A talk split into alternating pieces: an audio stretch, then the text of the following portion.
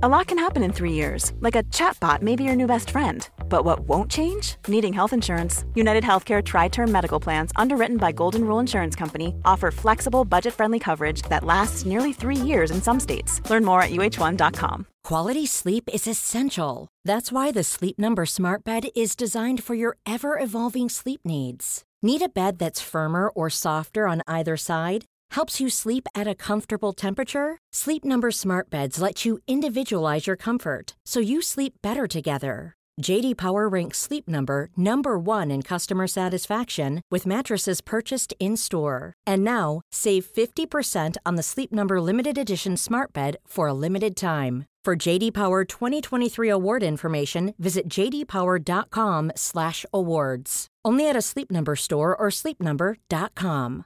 This is Paige, the co-host of Giggly Squad, and I want to tell you about a company that I've been loving, Olive and June. Olive and June gives you everything that you need for a salon quality manicure in one box. And if you break it down, it really comes out to $2 a manicure, which is absolutely insane. It's also so easy to get salon worthy nails at home with Olive and June. The difference between how your nails used to look when you did them yourself and now with the Manny system is a complete game changer. The best thing about Olive and June too is it's a quick dry. Dries in about one minute, lasts for five days, and full coverage in up to one to two coats. Visit oliveandjune.com slash perfectmani20 for 20% off your first system. That's oliveandjune.com slash perfectmani20 for 20% off your first system.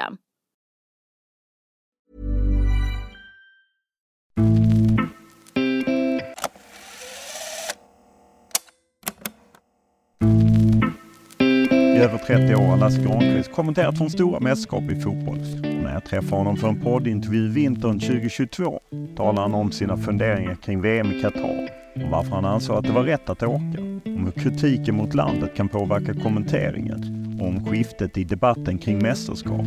Och om oron över var fotbollen är på väg. Dessutom berättade Granqvist om referatet som han inte hade upprepat. Om hur jobbet skiftat karaktär om hur han ser på uttal av utländska spelarnamn, om hur han tacklar statistiken, om var han hämtar inspiration, om varför han inte lyssnar på gamla klassiska referat, om han har förskrivet material, och om varför han slutat skrika.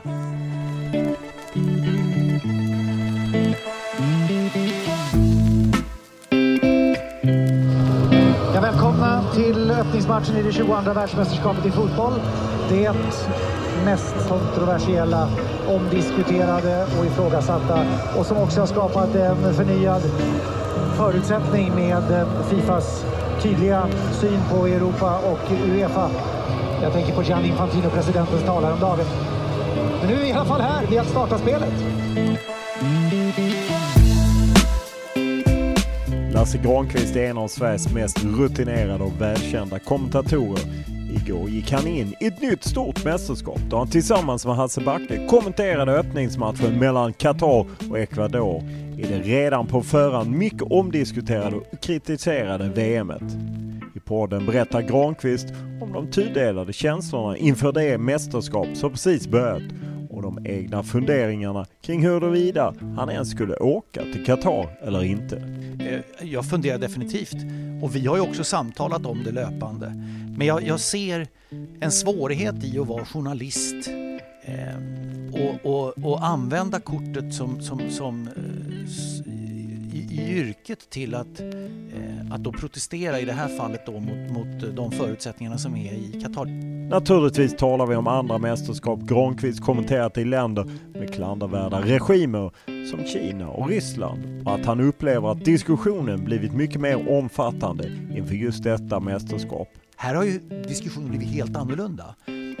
De som jobbade med olympiska spelen i Peking, senast jag tittade i Kina, en diktatur, de, de hade inte inspelet av att prata om de här frågorna nästan till överhuvudtaget. Utan här är OS-festen, nu kör vi och nu vinner Sverige och första dagen Walter Wallberg vinner olympisk. Det var det stuket, inget annat. Här sitter vi och har helt andra ingångsvärden.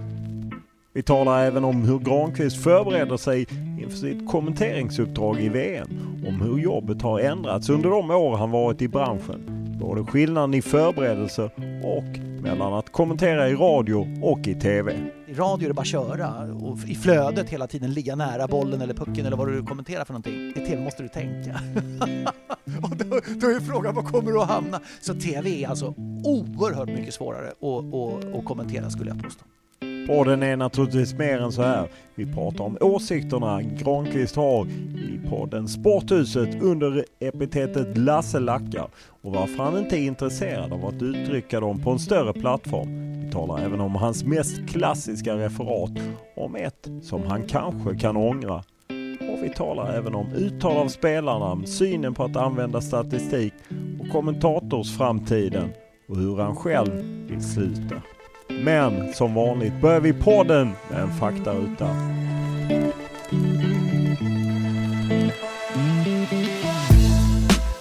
Ålder? 55. Bor? Gustavsberg. Familj? Nej, inte ens hundarna kvar längre faktiskt. De gick bort inom loppet av eh, fem dagar, de två 14-åriga kavaljererna jag hade i somras. Det var, det var eh, ingen rolig upplevelse, så jag kämpar själv. Utbildning? Eh, journalisthögskola. Lön? Eh, pension numera faktiskt. Från det att jag fyllde 55 plockar jag ut pension. Så att jag har från två olika ställen 36 000 kronor i månaden i pension. Och så har jag dessutom bil så att det är förmånsvärde på det, men det räknar jag inte som lön. Vad kör du? Eh, det är en, eh, nyligen beställt en, en Volvo XC40 hel elbil, men just nu är det en XC60, men jag behöver inte så stor när hundarna är inte med. Vad läser du? Eh, dina kröniker. Eh, din bok också som sen är dålig på att läsa rent generellt, lyssnar något mer på poddar. Vad tittar du på? Sport är väl eh, allra mest. Och jag gillar eh, gamla Beck-filmer faktiskt. Vad lyssnar du på? Eh, gärna upplevelseinriktad kultur. Alltså jag tänker musikaler, opera och den typen av grejer. Utan att kunna så mycket om det, men jag gillar det. Vad spelar du på? Trav bara. Jag har inget eh, konto på något spelbolag överhuvudtaget men eftersom jag känner Hasse Backe så blir det ett och annat travspel. Vilken är din största fotbollsmerit? Oj. Eh, jag var kombinerad domare och spelare eh, när jag, jag och kommentator när jag lirade med, med killarna och tjejerna där jag växte upp på Backvägen. Då, då, kunde jag som, då kunde jag som domare faktiskt, eller som spelare, ta nu kommer det bli straff, för jag dömde ju också. Vem är för dig tidernas bästa fotbollsspelare? Det, det, det borde stå mellan Cristiano Ronaldo och Lionel Messi, men det är svårt att jämföra olika. Mar Maradona, är Mas Grande que Pelé kanske. Vilken skulle du klassa som den största upplevelse du haft i fotbollssammanhang? Det är så många i, i jobbet och i tjänsten. Eh, så det, det, det, blir ett långt svar. Så att, så att, eh, men det är klart, Sverige VM 94, det är häftigt. 15 eh, juni 20, 2006, Olympiastadion, Sverige-Paraguay. Det med det enormt starka svenska gula väggen där, det var häftigt också. Vilket är ditt favoritlag och varför? Eh, jag, eh, håller, jag har ju olika favoritlag i olika länder men i grund och botten i Sverige är det ju AIK eftersom jag eh, blev in, in, uppfostrad till att hålla på AIK genom min pappa som är död numera. Vilken regel hade du velat ändra på i fotboll? gå fullt ut och, och, och digitalisera offside-regeln så att vi inte behöver ha någon som ska titta för länge på det utan sköter med datorer. Vilken är din favoritfilm?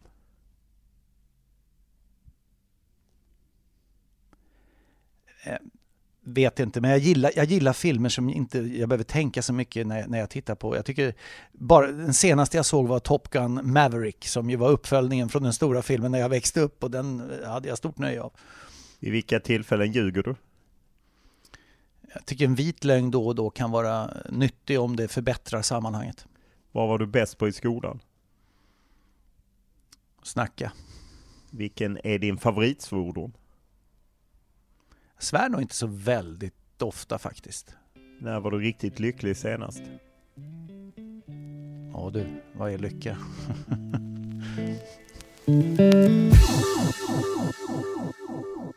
Vi träffas ju här i Doha där vi ju jobbar ihop. Vi är ju kollegor och vi är ju på plats för att bevaka VM i Qatar. Den här podden spelas in samma dag som det är premiär Qatar-Ecuador så vi kommer inte avhandla hur det går i den eftersom podden kommer ut efter det. Men eh, vad är känslan nu när du är här i, i Doha inför eh, ja, detta VM som ju är minst sagt kontroversiellt?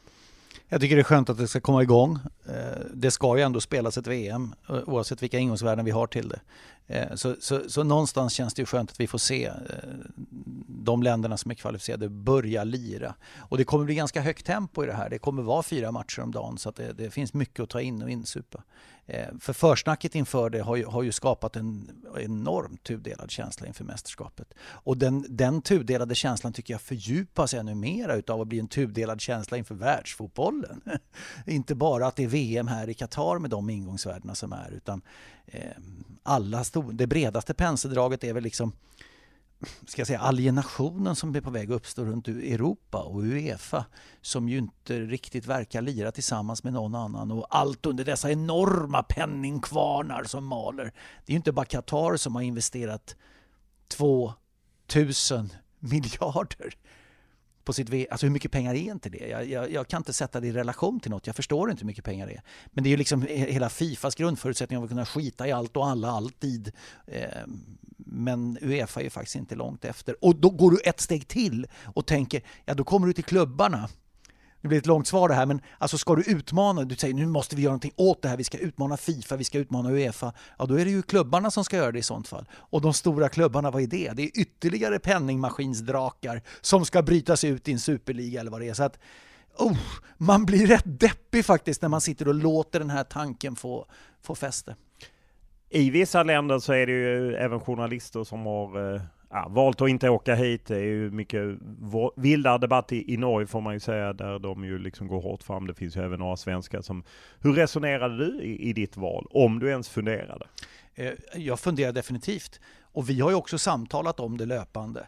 Men jag, jag ser en svårighet i att vara journalist eh, och, och, och, använda kortet som, som, som eh, i, i yrket till att eh, Eh, att då protestera i det här fallet då mot, mot de förutsättningarna som är i Qatar. Det är inget svårt för mig att förstå hur det ser ut här och hur det är. Eh, det är svårt för mig att sätta in i situationen för de som är drabbade, men jag fattar ju vad vi pratar om. Jag vet att, att eh, överhuvudtaget Mellanöstern inte accepterar mänskliga rättigheter. HBTQI-frågorna, jämställdhetsfrågorna, migrantarbetarnas villkor, den enormt starka hierarkin som finns i samhället här. Eh, men att det ska vara grundval för mig att inte åka och sköta mitt arbete och vara journalist och vara en del av det som ändå ingår. Vi har ju olika roller i journalistbranschen men min roll när det spelas fotboll är att kommentera eh, och tala om vad som sker ur det sportsliga perspektivet och gränssnittet. Men jag är ju också där om det skulle hända någonting annat, om det skulle vara demonstrationer eller protester eller vad det nu är för någonting som ju inte eh, de sändande bolagen är så intresserade av att visa i normalfallet. Så att det är upp till var och en att fatta sina egna beslut men för min del så, så är uppdraget som journalist relativt tydligt skulle jag påstå. Hur väger man just det i en kommentering? Om det händer någonting, nu hade inte TV4 VM-finalen 2018 när Pussy Riot hoppade in, mm. men liksom om det händer något protester, hur, hur väger man det i, i sin kommentering? Lämna aldrig tittaren, eller användaren som vi ska säga numera, lämna aldrig tittaren i ovisshet du ska alltid förklara vad som händer därför att det blir ju en händelse på, re, på en reaktion på arenan så den som tittar undrar ju. Jag kan ta ett exempel som, som, eh, som var från VM-finalen 2014 på Maracanã-stadion i Rio de Janeiro eh, me mellan Tyskland och Argentina. Då i andra halvlek så springer du in en person, det kommer ju in en planstormare eller vad man ska kalla det för. Men alla som lyssnar på det här vet nog vad vi snackar om. Det springer in någon helt plötsligt oväntat och tar sig förbi de vakterna som finns. Då är ju produktionen oerhört snabb på att klippa bort den här händelsen. Och istället klippte man in en bild som var tagen, om det var med en drönare eller helikopter, jag vet inte hur det var 2014, men ovanför Kristusstatyn eh, i Rio de Janeiro. En magisk bild är det ju med den upplysta Maracanã-stadion, världens kanske mest mytomspunna arena som ligger där nedanför och det är en, en, en, en eh, VM-final som pågår. Men inte, inte tusan visar de nu svor jag förresten va? inte tusan visar de vad som händer nere på planen då. Eh, och då är det ju helt avgörande att du som kommentator berättar vad som händer och talar om att nu är det. Och att det kommer vakter och hur, hur de då stoppar den här och hur det nu är. Det är ett litet exempel. Men jag skulle säga att förklaringen är lämna aldrig tittaren i ovisshet. Sen är det inte upp till mig att värdera vad det är för typ av protest eller aktion utan det är snarare att, att eh, kommentera det. Hur, hur, väger man, eh, för jag vet att en del kommentatorer, även en del journalister har ju på något sätt, de vill ju ta in, ja, men på något sätt migrantarbetares öden och liknande i. Hur väger man där? Finns det något sånt man kan ta in det på något sätt? Eller kan man strikt hålla sig till fotbollen om det inte händer något extraordinärt? Jag tror inte man ska vara rädd för att väga in eh, den verklighet som alla som tittar, mer eller mindre i alla fall alla som tittar, känner till. Det ska du inte vara rädd för. Samtidigt ser jag inte mitt uppdrag under en match att, att eh, eh om, om liksom värdera ett mål mot bakgrund av den, det världsläget som är eller den, den eh, förutsättningen som råder för mästerskapet i det här landet eller något sånt. Det tror jag inte. Och så tror jag dessutom så att det är så mycket ändå som kommer att förklara vad det är och det jobbar ju vi intensivt med den kanalen vi är på eh, som, som har mästerskapet till Men säkerligen garanterat också Sveriges Television är ju liksom oerhört noggranna med att, att berätta helheten, ge de här historierna, ha journalister på plats som ger sig ut för att hitta fakta för eh, att berätta historien om hur det är här i Qatar och i Mellanöstern. Så att, så att, att eh, jag, jag, jag, skulle inte värja för, jag skulle inte så att säga, det ska jag inte prata om, det vägrar vi prata om. Det, det finns inte. Utan eh, om tillfälle eller möjlighet eller sammanhanget så kräver får man vara beredd på det. Eh, om, du har gjort väldigt många mästerskap, eh, både Radiosporten och, och TV4 och, och, så. Hur rankar du detta när det kommer till svårighet att just hitta rätt? Ja, det är överlägset det mest svåra överlägset det mest svåra. Jag, jag, jag, var inte i tjänst 1978 när, när militärjuntan i Argentina arrangerade världsmästerskapet i fotboll. Jag har hört mycket historier om det för jag jobbar ju på Radiosporten med Ralf Edström som spelade i det landslaget som var där VM 78. Eh, men, men det här är ju, och jag kan reflektera över att jag, jag jobbade med VM i Ryssland 2018. Ett Ryssland som 2014 annekterade Krim eh, och som idag driver ett anfallskrig mot Ukraina. Och det finns ju experter inom, inom det området som säger att varför var inte protesterna, eller aktionerna eller eh, ifrågasättandet eh, sanktionerna mot Ryssland tydligare då? Då pratar jag inte om hur vi kommenterar VM eller hur vi granskar det utan jag pratar om ja, liksom hur, hur, hur samfundet, eh, västvärlden framförallt, EU, eh, EU, Storbritannien, USA reagerade då Eh, Eh, det var inte tal om samma typer av sanktioner som är införda nu, de är mycket tuffare. Men 2018 var inte det en diskussion, det var inte ett samtal om ska vi, utan vi hade ju den typen av rapportering också. Vi pratade om liksom att eh, förutsättningarna för hur Ryssland har hanterat Ukraina, det var ju med. Men, men, eh, det var ju ändå någonting som skedde 2014 och 2018 pratar vi inte om. Här har ju diskussionen blivit helt annorlunda. Vi, de som jobbade med olympiska spelen i Peking, senast jag tittade i Kina, en diktatur, de, de hade inte inspelet av att prata om de här frågorna nästan till överhuvudtaget. Utan här är OS-festen, nu kör vi och nu vinner Sverige och första dagen Walter Wallberg vinner olympisk guld. Det var det stuket, inget annat. Här sitter vi och har helt andra ingångsvärden. Och jag tycker att det är bra.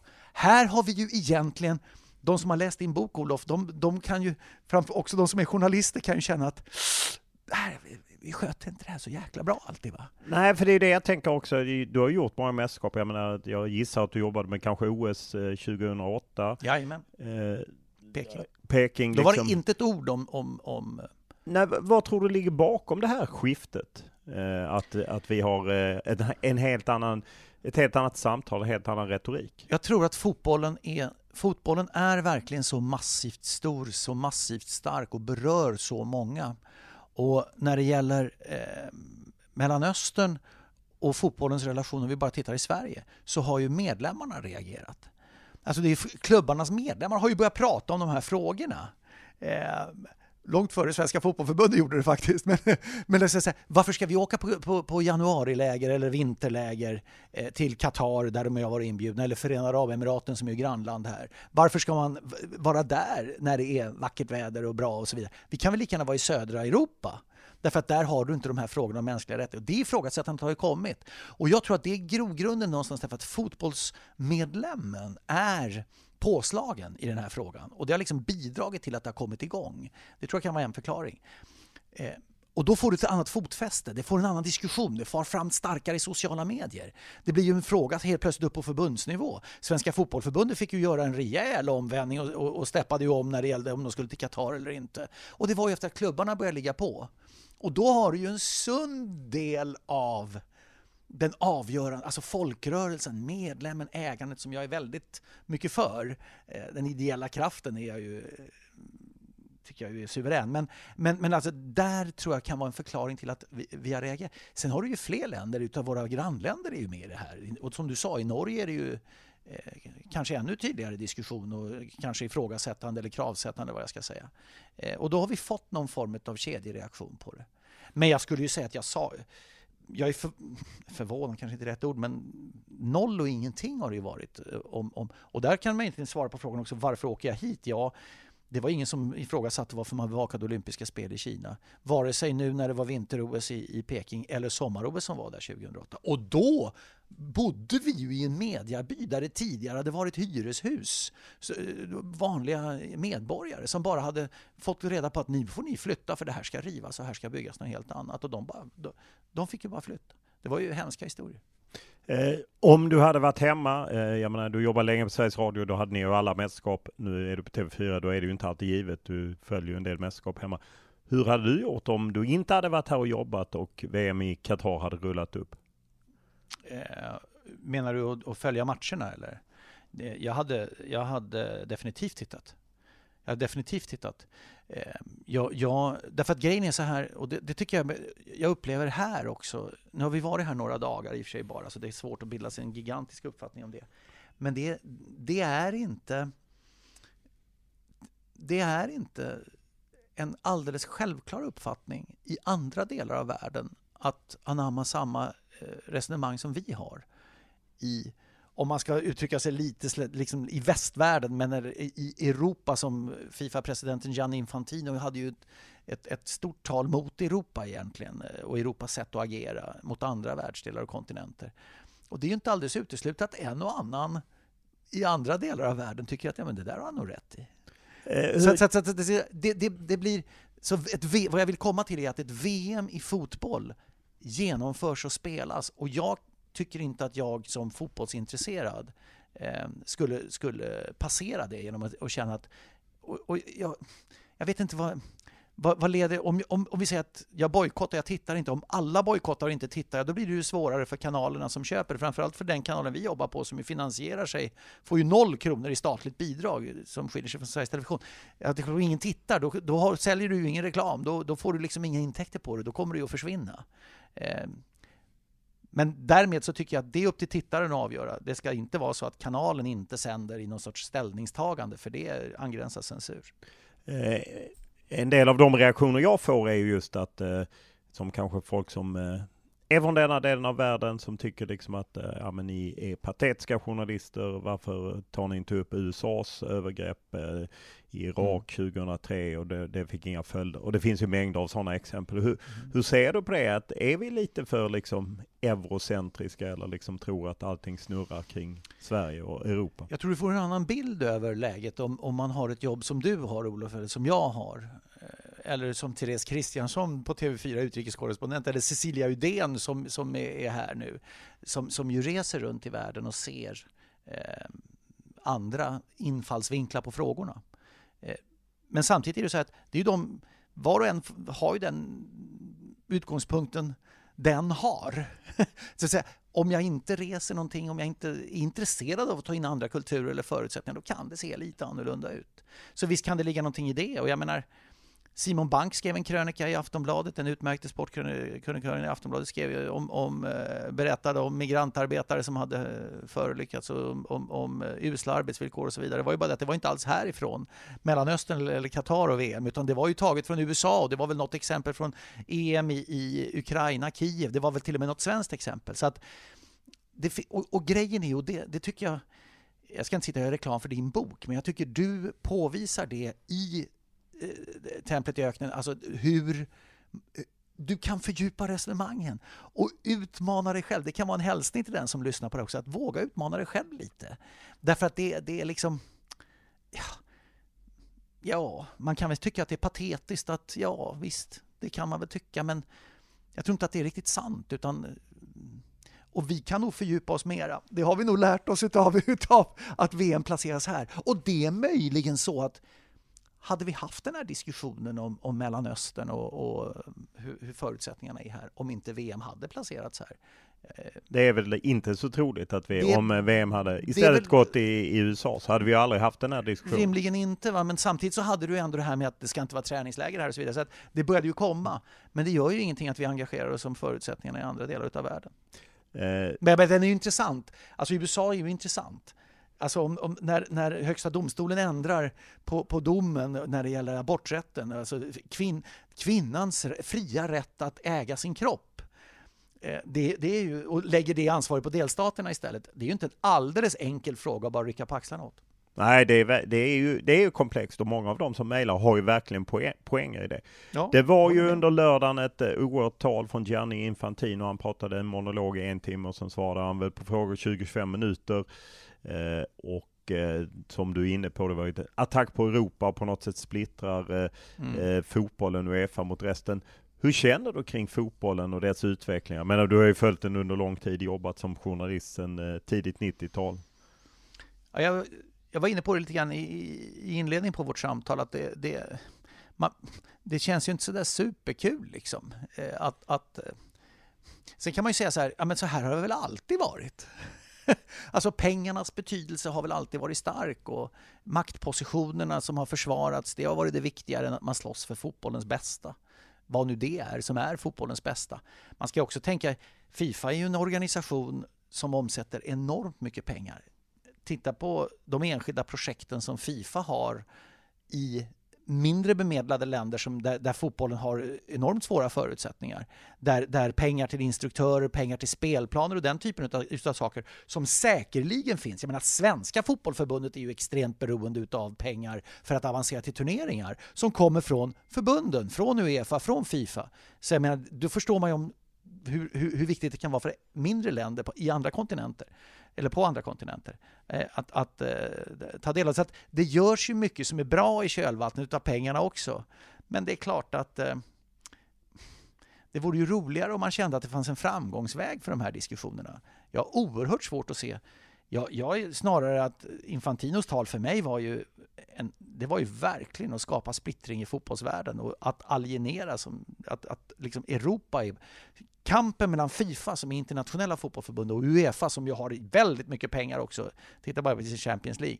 Den är ju jag såg det som en del av det i den pågående maktkampen. Precis som hans förslag att göra VM vartannat år är ett slag mot, det är i och för sig mot andra kontinentala sydamerikanska mästerskapen också exempelvis. Eller så. Eh, men, men, men det, det är bara det liksom. Men man, sen ska man ju säga, då blir ju Uefa blir ju då liksom för att de, är det europeiska, vilken press har de satt i den här frågan? Jag är lite osäker på det faktiskt. Det är ju enskilda förbund. Tyskland, Manuel Neuers lagkapten i Tyskland kommer att spela med... Ja, med... och Danmark har meddelat nu, de kommer ja. att spela, eh, England kommer att spela, Nederländerna kommer att spela. Men det är inte Uefa som har nej, gått ut i en gemensam aktion och sagt att vi står för det här. Men, men eh, det, det, är en himla knepig och svår fråga. Tar Champions League, en rättighet som vi jobbar med just nu, som vi var hos Viasat, Viaplay i många, många, många år, 29 år eller 30 år eller vad det nu var. Eh, det är också enormt mycket pengar i den. Klubbarna tycker att det är för dåligt, de vill bryta sig ut. Hur kommer Fifa reagera då när det blir problem inom Uefa-familjen? Jo, de kommer nog tycka att det är himla bra att det blir en superliga med de bästa europeiska klubbarna. Ja, det är, vi får se vad som händer framåt. Jag tänker vi går mer till det lite sportsliga och liksom förberedelse. Hur förbereder man rent sportsligt för ett mästerskap? Väldigt mycket eh, inhämtande av information är det ju. Det har ju ändrats mot hur det var tidigare. Nu är det ju, eh, det ges ju mängder med information i poddvärlden. Eh, och det är viktigt. Den här gången har det varit om inte lika viktigt, baske mig, att liksom förstå sammanhanget och förstå helheten. Vi jobbar för en svensk tv-publik. Vi jobbar inte för Gianni Infantino som Fifa-president och den publiken han har som gillar hans tal. Det jobbar vi inte för, utan vi jobbar för, på en svensk marknad för en svensk publik. Så vi måste förstå helheten. Sen är det ju väldigt mycket inhämtningar menar Ecuador och Ghana som är den första matchen jag kommenterar. Frankrike, Australien den andra, Brasilien, Serbien den tredje. Det är de tre jag har i inledningen. Det är liksom, där har jag lagt väldigt mycket fokus och energi. Sen kommer jag ju medan jag är här. Ecuador, Qatar menar du? Ja, jag, jag sa du Ghana. sa Ecuador, Ghana. Ja, det är inte där vi är, nej. Nej. Tack. Ja, det är helt rätt. Ännu roligare blir för de som hör det här, så var det Ja. dagen före. Ja. Men liksom där är det ju inläsning av material. Eh, Och Hasse Backe och jag som kommenterar öppningsmatchen, vi sa det eh, när vi åkte eh, till, till Qatar, att nu bara fokus på första matchen liksom, för att det kommer att bli väldigt mycket information som bara väller över en, så är det ju. Ja, hur har jobbet förändrats? Jag menar, du gjorde väl ditt första mästerskap kanske EM 92 eller var det till och med VM 90? Eh, eh, På plats EM 92. Ja, just det. Hur har jobbet förändrats som, eh, du var väl Oj. kanske mer reporter då, men i korta drag liksom, vad är Oj. skillnaden? Vansinnigt stor skillnad. Den, den största delen är nog att folk som lyssnar, tittare, användare, de, de har en helt annan egen information idag. Eh, vilket innebär att du kan inte som kommentator vara mer på, om du går till Champions League och, och, och tänker ett eh, stormöte där mellan, mellan eh, Liverpool och, och Real Madrid säger vi. Ta, det är ju Champions League-finalen från Paris i maj.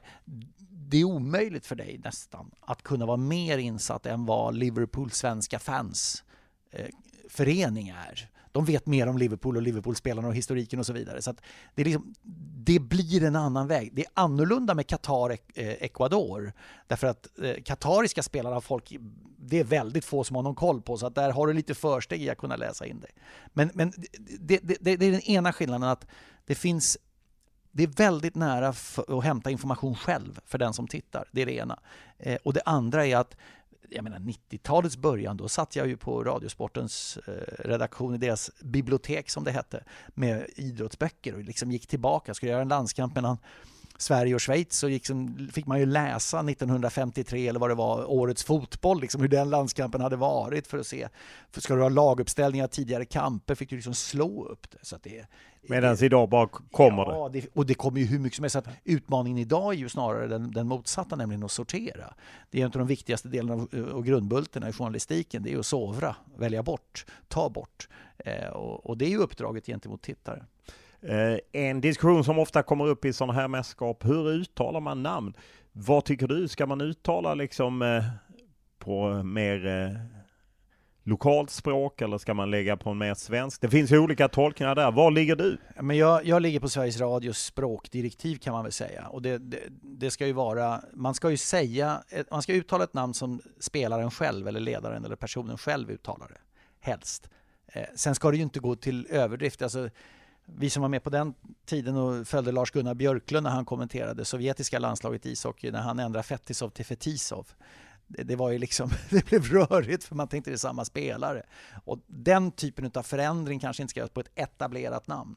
Men du ska försöka ligga så nära som möjligt. Sen är det samtidigt så här att när det gäller eh, katarierna till exempel, eller arabiska, jag talar ju inte alls det språket och det blir nästan lite fånigt om jag ska försöka uttala eh, med, med, med så att säga, som, som, som, en, som en infödd gör. Det är ju samma sak med danskan faktiskt. Vi har ju försvenskat uttal av de danska namnen eh, och försöker ju liksom, det blir lite löjligt om vi ska säga Eriksen, Madsen. Det blir ju liksom inte riktigt, utan det blir ju med svenska idiomet. Vi säger ju Eriksen faktiskt. Eh, en annan revolution som jag upplever är ju att det här med statistik, det är ju en del med tekniken som har gjort att det är lätt att ta fram statistik. Hur, hur ser du på det? Det är ju liksom, det har ju gjort ett väldigt intåg. Ja, alltså jag har ju en... Det, det är ju ol, olika kommentatorer, olika sätt att jobba på. Eh, jag har mer och mer gått... Om jag tittar på hur... Du ställer frågan till mig, till mig trots allt, så jag håller mig till mig. Eh, Det är korrekt. Nej, men om jag backar till Radiosporttiden och du gjorde en VM-match i fotboll, då var du ju tvungen att ha koll på liksom hela turneringen och du vägde in mycket mera fakta i det. Och, eh, där finns ingen grafik i bild och du upprepar resultat och du var liksom väldigt eh, ettor och nollor liksom i, i, i förmedlingen på något sätt. Jag har mer, det, det tog jag ju givetvis med mig till tv sen och sen lär man sig ju att du behöver göra om för bilden är stark och alltihopa det där. Men jag har mer och mer gått till att bara försöka, alltså försöka ta bort så mycket som möjligt av statistiken. Inte allt, det finns saker som är viktiga och bra, men försöka hålla mig till spelet. Ge spelet och spelarna chansen och, och, och ber, liksom, ta emot det och berätta deras historia. Det här är deras inställning till den här matchen, så här kommer de att lira. Eh, i VM, det är många spelare som vi inte riktigt har koll på när vi tittar.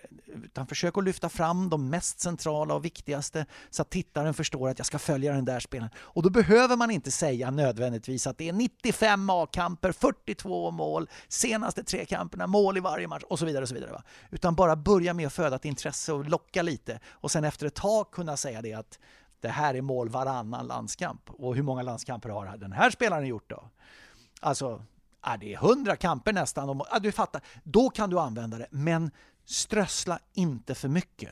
För att jag, jag, för mig, när jag sitter och följer, det är lite grann en avstängare. Jag slutar liksom lite grann lyssna. Det blir inte spännande. Eh, utan och låt experten vara den som står för kunskapen och berättelserna om hur de lirar och karaktären på lirarna och så vidare. Såklart alltid komplettera varann, men, men i någon sorts rå... Det är ingen rågång, men det är ändå en idé. Vad skiljer just att kommentera radio kontra TV? Och det är en van. TV är ju så oerhört mycket svårare. Alltså radio är ju... Är ju eh, du, du, du, du får ju du får ju liksom, varsågod, där pågår spel, berätta exakt vad som händer och så gör du det. I TV måste du hela tiden eh, spela tillsammans med bilden. Hela tiden vara ett komplement till det pågående skeendet.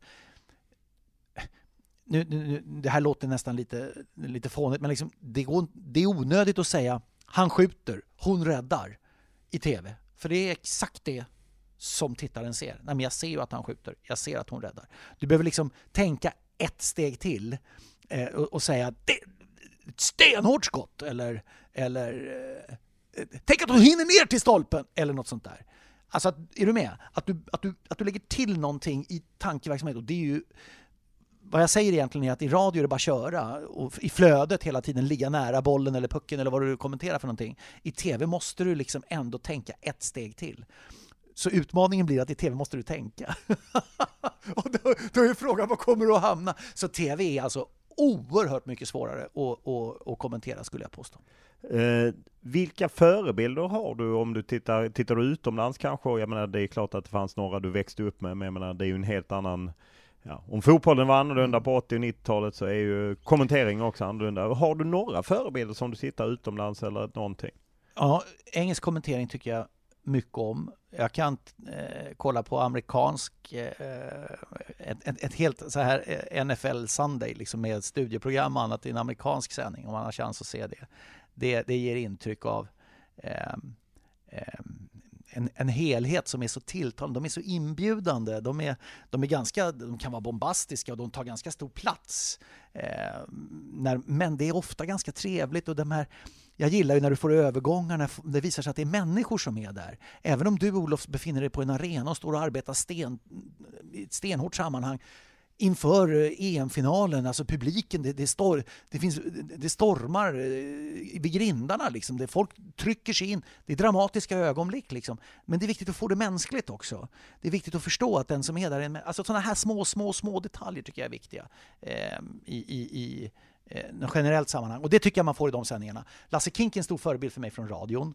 Eh, på nästan alla sätt. Det var en underbar, eh, han är en underbar människa. Och, och Sedermera TV3 och Ja, han gick över till TV sen ja. och det, det, det, blev en eh, tuffare övergång då möjligen. Men han lärde mig mycket över att du ska alltid när du kommer till arenan, eh, vi pratar en svensk match nu i en vanlig liga som inte är så, men liksom hälsa på, på parkeringsvakten om du kommer med bil, eh, morsa på pressvakten.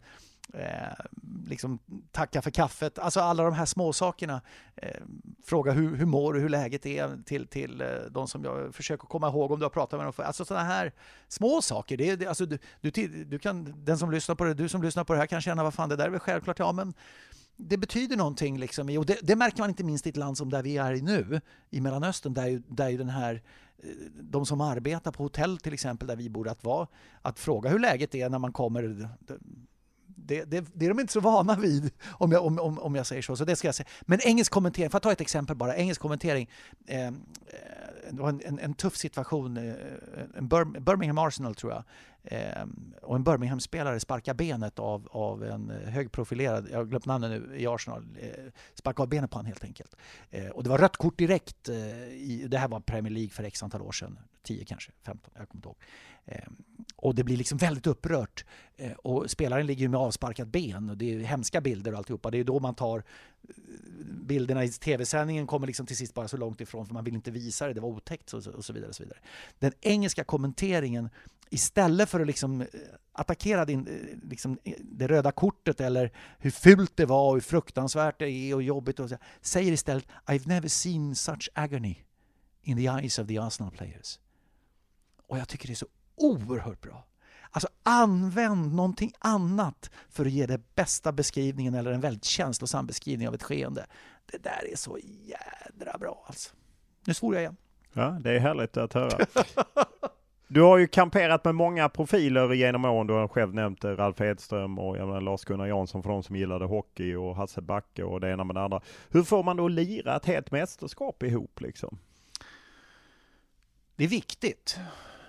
Eh, det är viktigt att, att eh, för vi, vi umgås ju mycket under, under alltså, så detaljer blir ju väldigt viktiga liksom. Det blir ju mycket samtal. Men jag tycker det är ganska spännande att prata med människor. Eh, och framförallt när man har förmånen att jobba med de som har varit så himla aktiva så på, på hög nivå länge. Eh, det tycker jag är... Eh, det ger mycket. Och sen har ju jag en del erfarenhet att komma med själv som eh, efter 35 år som kommentator, referent i radio, kommentator i tv. Och när det kommer till det tv-mässiga också, hur vi pratar om hur vi ska samarbeta, hur det ska vara, liksom så, så eh, Eh, växer man ihop löpande under turneringen. Jag gjorde ju bra bit över 20 år i alla fall med både Lars-Gunnar Jansson och Ralf Edström och det blir väldigt speciellt givetvis. Eh, men eh, Hasse Backe, Hanna Marklund, vi jobbar ihop här. Hanna Marklund och jag fick uppdraget att göra VM ihop 2018. Vi hade ett fåtal träningslandskamper inför, men, men funkade. Och det, alltså lyssna till varann. Det är ju, det är ju egentligen som ett vanligt socialt sammanhang egentligen. Eh, och det finns många spännande historier att ta till sig av och höra om också.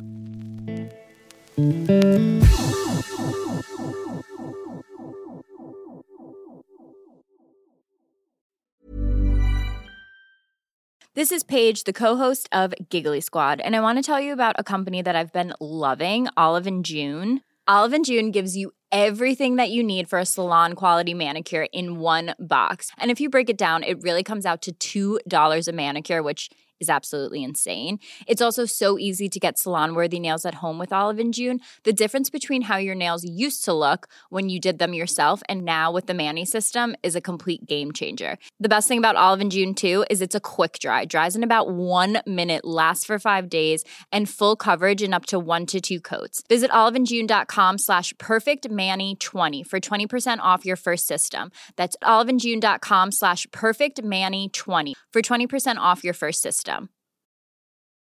Hiring for your small business? If you're not looking for professionals on LinkedIn, you're looking in the wrong place. That's like looking for your car keys in a fish tank.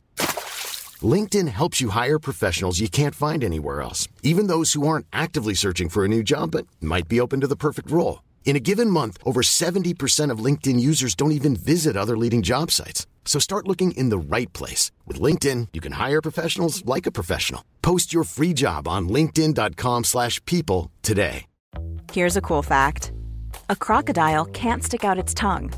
Another cool fact, you can get short-term health insurance for a month or just under a year in some states.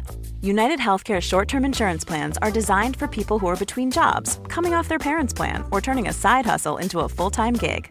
Underwritten by Golden Rule Insurance Company, they offer flexible, budget friendly coverage with access to a nationwide network of doctors and hospitals. Get more cool facts about United Healthcare short term plans at uh1.com.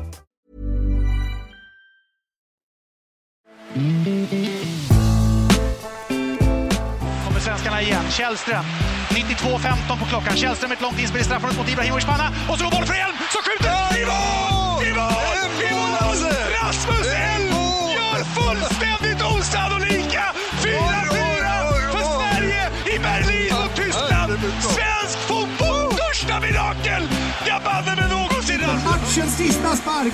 Afrika har aldrig varit i semifinal i ett VM. Asamoah Gyan med höger, där skjuter i ribban! Han missar! Han missar! Oh mon dieu, my God, what is going on? Han missar straffsparken! Han bränner den! Han sumpar den! Allt skiter sig för Ghana och Asamoah Gyan missar straffsparken!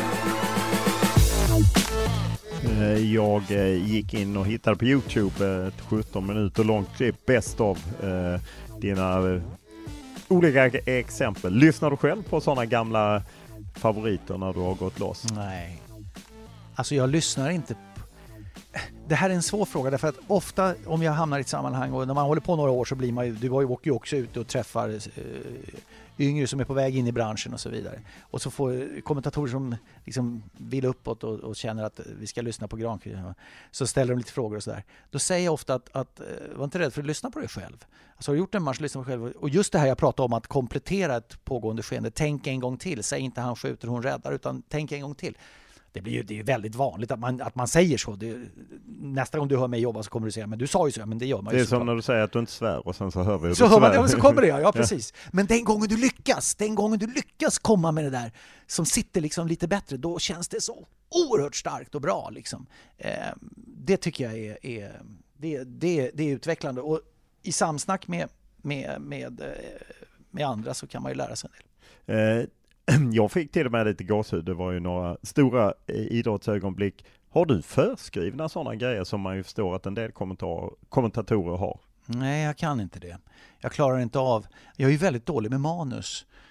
Eh, Så det är bara helt fritt? Ja, jag är väldigt dålig med manus. Eh, jag, jag, jag, klarar liksom inte av att förhålla mig till en skriven text så det låter... Eh, för jag menar så här att om du förhåller dig i ett direktsänt ögonblick till en skriven text, då är du ju skådespelare. Alltså om, du förhåller dig till det med inlevelse och kan med direkt, direkt eh, de rätta betoningarna och, och, och röstlägena och, utan alltihopa det kommer. Och då blir det ju också så att ibland blir det ju inte riktigt bra. Eh, så är det ju. Ibland kanske det blir för högljutt eller för spretigt eller för tokigt och så vidare. Men när jag, när jag säger till, till andra att lyssna på er själva efteråt så, så, så eh, jag, jag gör det nästan aldrig själv jag, jag, blev uppkallad av, vår, vår, chef på kanalen där vi är, Olof, Niklas Supanic. Hasse Back och jag blev uppkallade. Vi satt och lyssnade på... Och jag tycker, det, jag tycker efter 35 år, jag tyckte det var jobbigt. Det är jobbigt att lyssna på sig själv, ja. Men det är ju samtidigt nyttigt. Ja, exakt, exakt. Klassiska referat har du ju många. VM 94, klacken 2004, eh, Eh, ja, 4-4 matchen och, och, och liknande. Asamoa, allt skit sig för Ghana. Eh, vilket sticker ut för dig?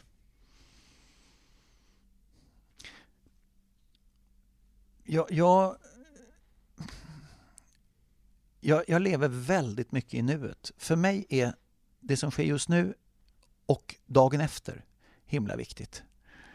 Eh, liksom min tanke nu är dels på matchen mellan, som är öppningsmatchen av världsmästerskapet som vi ska eh, bevaka. Men sen är det också att lämna arenan efteråt, att förbereda nästa match. Alltså, där är jag mest hela tiden. Så att titta tillbaka, det, det, det gör jag. Men det är klart, i samband med VM, då får man ju ofta frågorna. Eh, tidigare VM-turneringar och sånt. Och då kan man ju börja fundera. Liksom. Och det, som jag sa i inledningen, så i ett svenskt perspektiv så, så eh, supportermatchen, om jag kallar den för det, 2006 var häftig. VM 94 Zinedine Zidans eh, skalle i bröstet på Marco Materazzi i en VM-final som det sista han gör på scen. Men du har hans skalle när han nickar in två mål på hemmaplan på Stade de France. Den är ju en enorm match. Alltså, mycket handlar ju om Ronaldo då som liksom var struken i laguppställningen i VM-finalen 98, Frankrike-Brasilien och kom tillbaks igen och det har skrivits böcker om det, vad som hände och jag vet inte om någon egentligen mer än Ronaldo själv vet. Men liksom det är ju en enorm, du vet det trycket som är på Stade de France då. VM 1-0 mot Brasilien och 2-0 på huvudet också av Zidane. Det blev ju 3-0 sedermera. Alltså det, men du, vet, du kan stapla den här typen av händelser. Men det är klart att, att eh, en, en, en, kvartsfinal med, med, i, i Afrika med afrikanskt lag som, har, som i matchens sista spark har den från 11 meter, en straff, och sumpar den. Den, den, är, den, den sticker ju, den sticker ju liksom ut, därför att vi är kvar i den historien. Det har ju inte skrivits något kapitel som heter den afrikanska kontinenten, en stat från Afrika gått till semifinal i ett världsmästerskap i fotboll. Vi har inte skrivit det kapitlet. Nej. Så att, liksom, det lever kvar på något sätt. Så att det, det, det, Ja, det finns, det, finns, det finns mycket som är så jädra härligt alltså. Nu svor jag igen. Ja, eh, det är härligt. Eh, men eh, de som är sugna får gå in och, och lyssna, det som Lasse då inte gör själv. Ångrar du Tommy Salo, Salt Lake är det väl 2002, mm. 4-3, mm. han släpper in, mm. han gör en jättetavla. Nej, är svaret på frågan. För du frågar om jag ångrar det. Och jag tror inte på att man ska leva eh, le, le, leva sitt liv med att ångra saker. Eh, I alla fall inte för mycket.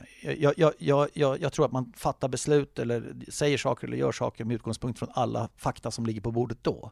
Däremot hade jag inte gjort likadant idag som jag gjorde då. Och där kanske det är det handlar ju om, du pratade om förberedelse förut, det här handlar också om att vara förberedd på att det här kunde hända. Det trodde vi ju inte. Det trodde vi ju inte överhuvudtaget. Vi gjorde ju inslag samma dag på morgonen i Radiosportens sändning som, som handlade om, om eh, att, att eh, vilka Sverige skulle möta i semifinal. Det, var liksom inte på, det fanns inte att åka ut här. Det var en sån otroligt enkel biljett vidare. Så vi var liksom inte förberedda på att det kunde hända. Det, det, kommenteringen, eh, om, du bara, om du går in och lyssnar på kommenteringen, så det som sägs, om du skriver ner det, eh, det friades ju också för anmälningen till granskningsnämnden. Men, men det är ju att svensk ishockey skämmer ut sig på den internationella scenen. Skämmer ut sig, ett starkt ord. Ehm, det är, att det är det största svenska enskilda idrottsfiaskot sedan Japan 36.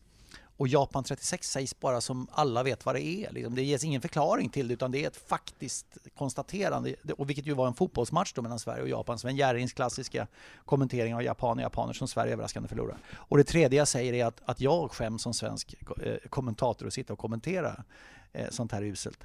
Eh, och, och det, är ju, det, det tredje är ju helt ovidkommande. Det, är, det, det, det, det, skulle jag inte ha sagt.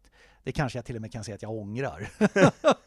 Om du som var inne på det från början. Men, men, men eh, problemet med den där kommenteringen var ju att det sades i ett enormt uppdrivet, eh,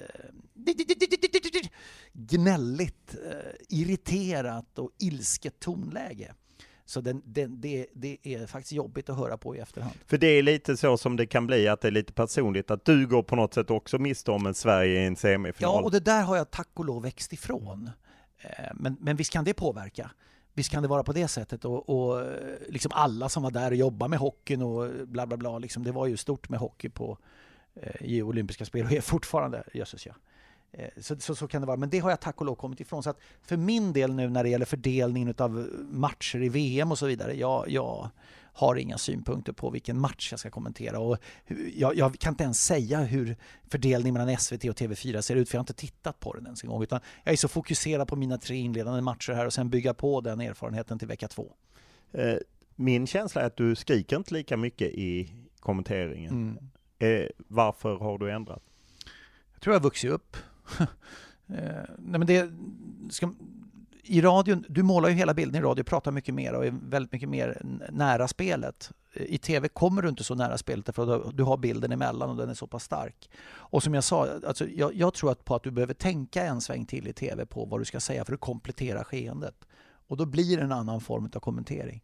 Men det får icke på något sätt frånta vikten av att du måste känna att du är närvarande, du är där, du är 100% hängiven till matchen som spelas. Därför att det är det tittaren har rätt att kräva av dig. Och då kommer du in i gränsdragningen av ett annat problem eh, eller en utmaning eller hur man nu ska formulera sig eh, när det är just det här världsmästerskapet.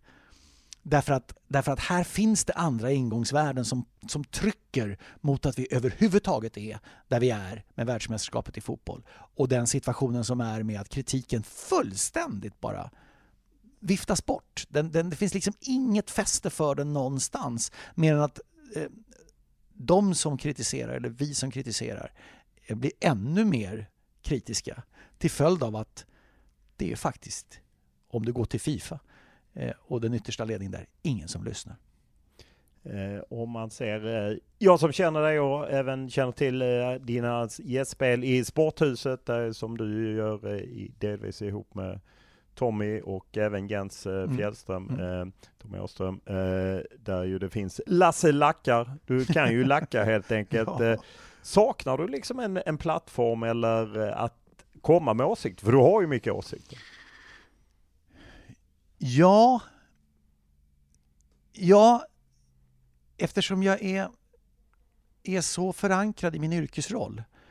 Kommentatorns jobb är inte att komma med åsikter. Det är att komplettera ett pågående skeende. Experten ska ha åsikter. Eh, nu är det annorlunda med VAR i och för sig, men straff eller inte. Eller, eh, sen kan jag ju fortfarande föra in experten på olika resonemang. Alltså, efter ett, ett rött kort tidigt i en match så, så, mot hemmalaget och trycket mot domaren är maximalt och du har två gula kort därefter och du känner liksom hur det vibrerar och alla som lyssnar har nog varit med om en sån match någon gång liksom, när man känner att nu kommer domaren tappa något. Då kan jag ju ligga på liksom och säga nu är det hård press på huvuddomare Makele eller vad han heter för någonting från Nederländerna och liksom vilja att experten går in och men jag har inte plattformen att göra det i, för mitt, mitt jobb är inte det. Eh, utan jag ska komplettera pågående skede, experten ska stå för tyckandet liksom. Och jag tycker det är... Sen, sen det är klart, jag, jag kan inte svika ett journalistiskt ansvar och notera det som händer och ta upp frågorna, det är inte det jag säger. Men tyckandet är liksom inte... Men hade du velat ha en annan plattform? Hade du velat ha en krönika i en tidning eller någonting där du hade kunnat... För jag menar, bara på senare tid så har du ju jag menar, du kan ju vara hård mot eh, svensk hockey med den här eh, Hockeyettan-striden ja. eh, kontra eh, Riksidrottsförbunden eller Håkan Sjöstrand ja. gick du hårt åt. Alltså, Saknar du en ja. annan plattform än kommenteringen? Att du skulle ha Men... en krönika i en kvällstidning eller en morgontidning eller där Lasse Lackar tog en till en ännu större plattform? Ja, för, för, för mig är det så att jag måste gå vidare till nästa led och, och fundera, vill, vill, vill tittaren eller lyssnaren eller läsaren ha det här? Och då är jag tveksam. Jag, jag, jag, känner inte att jag har inte någonting att ge eh, extra i, i, mitt tyckande som de eh, som, som, som läser och lyssnar tycker skulle vara värt att höra. Jag är jätteglad över att vara med i Sporthuset och tycker det är kul att snicksnacka lite om det. Eh, absolut. Så det är där ni får gå in om ni vill lyssna på dina åsikter. Ja. För där kan du ju ändå komma loss. Ja, ja, jo, men, men där... Ganska ofta rewritas ju de av eh, kvällstidningarna. Ja, liksom. de jobbar ju, det, det, det jobbas ja, ju på jo. det sättet, så, så, så, funkar det. Men, men, ja, det är journalistik det också. Ja, ja, jo, det är en form av den så kallade citatjournalistiken. Ja, Nej, men alltså det, det, det, är klart att jag, jag, jag tycker det, där är den rollen jag har en annan ju. Där frågas ju, vad tycker du? Frågar de mig. Och då måste jag ju svara på det. Det är samma sak, vi sitter i det här samtalet, jag svarar ju vad jag tycker eller min uppfattning om olika frågor. Så att, eh, men jag, jag, nej, jag, jag, tror inte... Jag, jag, har helt enkelt inte tillräckligt... Jag är inte tillräckligt intressant helt enkelt. Det finns så många andra som är det. Eh, jag vet ju att du lite skalar ner liksom dina uppdrag. Hur, hur resonerar du? Hur tittar du på framåt? Ja. Uh, inte just nu i och för sig. Jag tittar framåt på matchschemat i VM, men inte mer än så. Men, men det, det, jag är ju 55 eh, och eh, har ett kontrakt som sträcker sig till jag nästan är 60. Eh, och eh, jag, jag, jag tror att eh, det är också lite den, den marknaden inom citationstecken som, som, som eh, vi jobbar på, du och jag, men alltså det, den svenska tv-publiken är inte så... Du blir gammal snabbt. Och, och jag vill liksom inte bli någon som, som inte... Vi har inte så stort utrymme för seniorer liksom så här i svenska. Alltså vi, du blir gammal snabbt och då är det inte någonting att räkna med. Och I sporthuset träffade vi Tommy Åström, jag träffade Uno Hedin, han var 90 år. Det var, det var en enorm fräschör, alltså fullständigt. Radiosporten tidigare, bland annat travexpert, körde alltid lycka till. Ja, exakt, lycka till! Eh, schack, bordtennis, eh, varit på Sveriges Radio i massa hundra år liksom. Men han har ju varit pensionär ganska länge. och det, men känner du dig lite ifrågasatt på det ur det perspektivet? I, när jag hör dig så låter det nästan som att du känner att uh, det accepteras att, att du ändras och att du blir äldre. Nej, det, det, det, gör jag nog inte. Däremot så, jag är ganska mån om att jag själv ska meddela att nu känner jag att det är dags att sluta istället för att jag blir inkallad till någon som säger att Lasse, nu är det nog dags för dig att sticka. Så det måste vara ett sam... Ett, ett, ett, men nej, jag känner mig inte... Och jag känner fullt drag liksom i det jag gör. Men det känns också naturligt för mig att gå ner i uppdrag och att... Och den, den, jag har ju gjort en successiv neddragning egentligen de senaste fem sex åren. Eh, och nu ligger det plant här i några år. Eh, eller ett par år till. Och det, det, det, det, för, det, för mig känns det bra. Det känns, det känns som ett nu ska jag svära, mig sju, sju helsikes jäkla privilegium alltså. Att kunna få vara med på den yttersta nivån av idrott. Vi sitter och pratar om världsmästerskap i fotboll med andra ingångsvärden än vad vi någonsin gjort tidigare, men ändå. Vi sitter och pratar om ett världsmästerskap i fotboll. Vi sitter och pratar om Champions League. Och jag jobbar med svenska hockeyligan. Eh, alltså, i våras hade jag eh, förmånen att jobba med final 7, match 7, Luleå. Nu blir det arga som lyssnar på det här håller på Luleå förbannade igen, att, arga igen, att, att, att vi pratar om den matchen. Men mot Färg, Färjestad, Alltså det avgörs... Det var ju förjävligt att inte Luleå vann, kan jag säga. Ja, ja, ja, ja, jag kan ha en åsikt. Ja, men jag har många kompisar i Norrbotten, men jag har några i Värmland också. Men, men, men eh, att det, det, jag, jag stormtrivs med det. Jag stormtrivs med det och det är, ett, det är ett vansinnigt stort privilegium och det kommer jag inte vika en tum ifrån att jag tycker. Och jag kommer garanterat sakna det när jag slutar också. Men det, allt har sin tid och jag tror att det, det, det, det, det är bra att inse det. Men eh, det är många år kvar.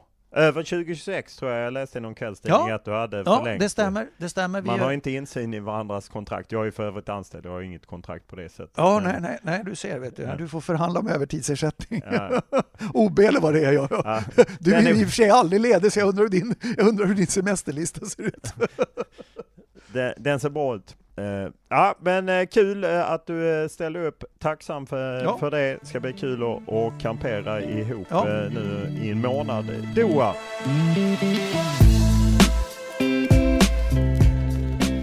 Podden denna veckan är producerad av Max Richner och klippt av Daniel Eriksson. Och vi vill gärna höra vad ni tycker, tänker och om ni har några önskemål eller något annat. Enklast är att mejla mig olof.lund tv4.se eller skriva till mig på Instagram eller Twitter. Då är det Olof Lund som gäller ett ord.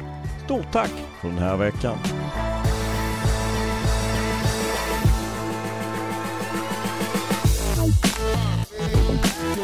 Thank